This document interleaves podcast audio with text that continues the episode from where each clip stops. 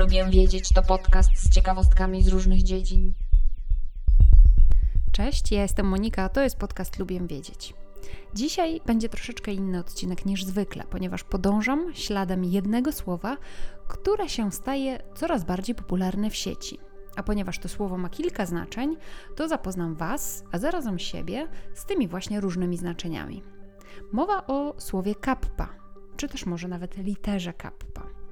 Kto jest chętny dowiedzieć się więcej, zapraszam do słuchania dalej.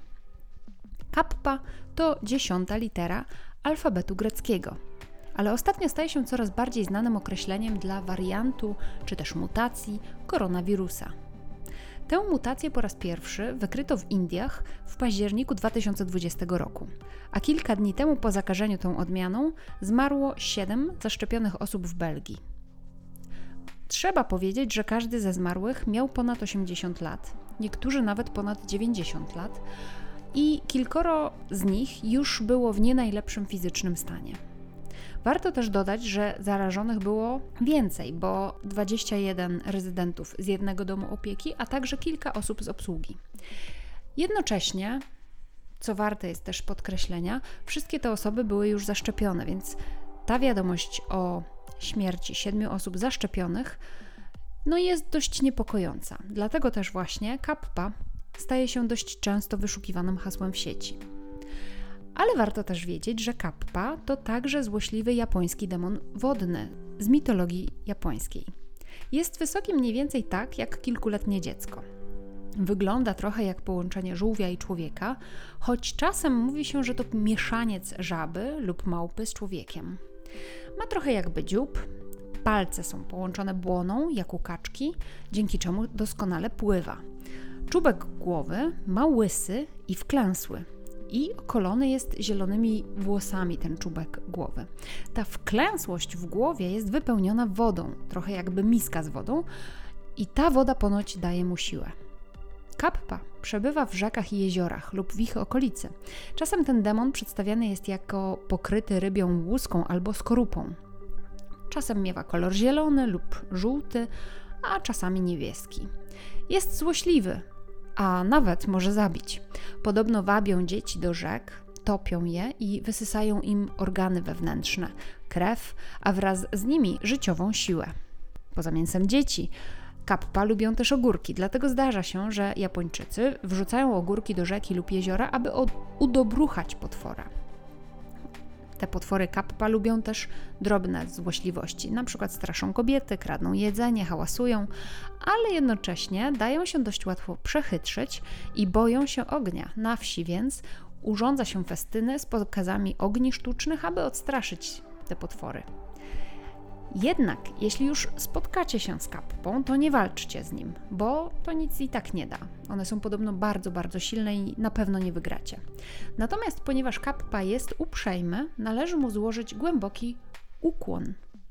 Kappa zawsze się odkłoni, a wtedy ta woda z wgłębienia w głowie mu się wyleje i wtedy demon straci całą swoją siłę. Jeśli kiedykolwiek graliście w Final Fantasy, to możecie kojarzyć tego potwora z tej gry właśnie. A jeśli czytaliście Harry'ego Pottera i Więźnia Azkabanu, czyli trzeci tom przybód Pottera, to tam też pojawił się Kappa jako stwór z bagien.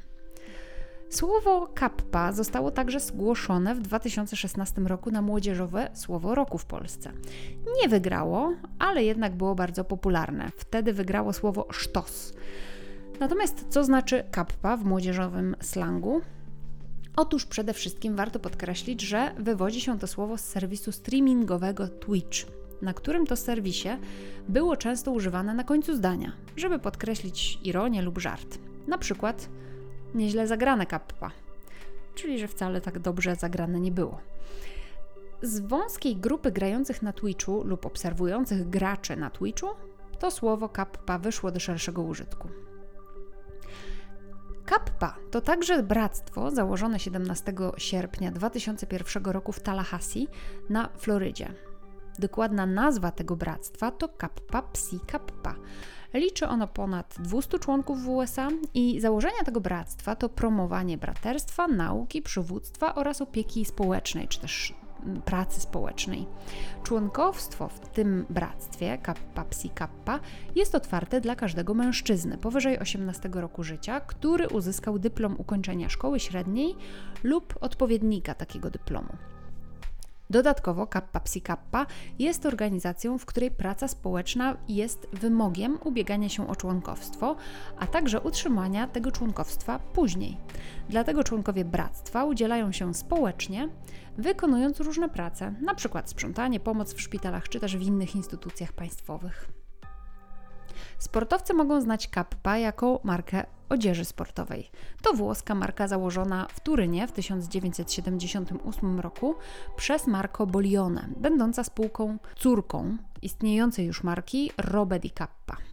Marka szybko stała się bardzo popularna, ponieważ od samego początku sponsorowała turyński klub piłki nożnej Juventus, który wtedy święcił bardzo dużą popularność, triumfy. Kappa przejęła logo firmy od spółki matki, czyli Robert Di Kappa, które to logo przedstawiało dwoje młodych ludzi siedzących ze złączonymi nogami, opartymi o siebie plecami, no i później tylko dodano charakterystyczny napis Kappa. Przypuszczam, że kojarzycie to logo. Kappa to także rodzaj krzywej płaskiej, wieś w stanie Illinois w USA, nazwa współczynnika w termodynamice, model samochodu Lancia, i pewnie ma jeszcze kilka innych znaczeń. Opowiedziałam Wam tylko o tych najciekawszych dla mnie kappach. A może Wy znacie jeszcze jakąś inną kappę? Dajcie znać. A tymczasem dziękuję za wysłuchanie dzisiejszego odcinka podcastu Lubię Wiedzieć. Subskrybujcie ten podcast, dzielcie się nim z innymi, bo taki szeptany marketing bardzo pomaga i z góry za niego dziękuję.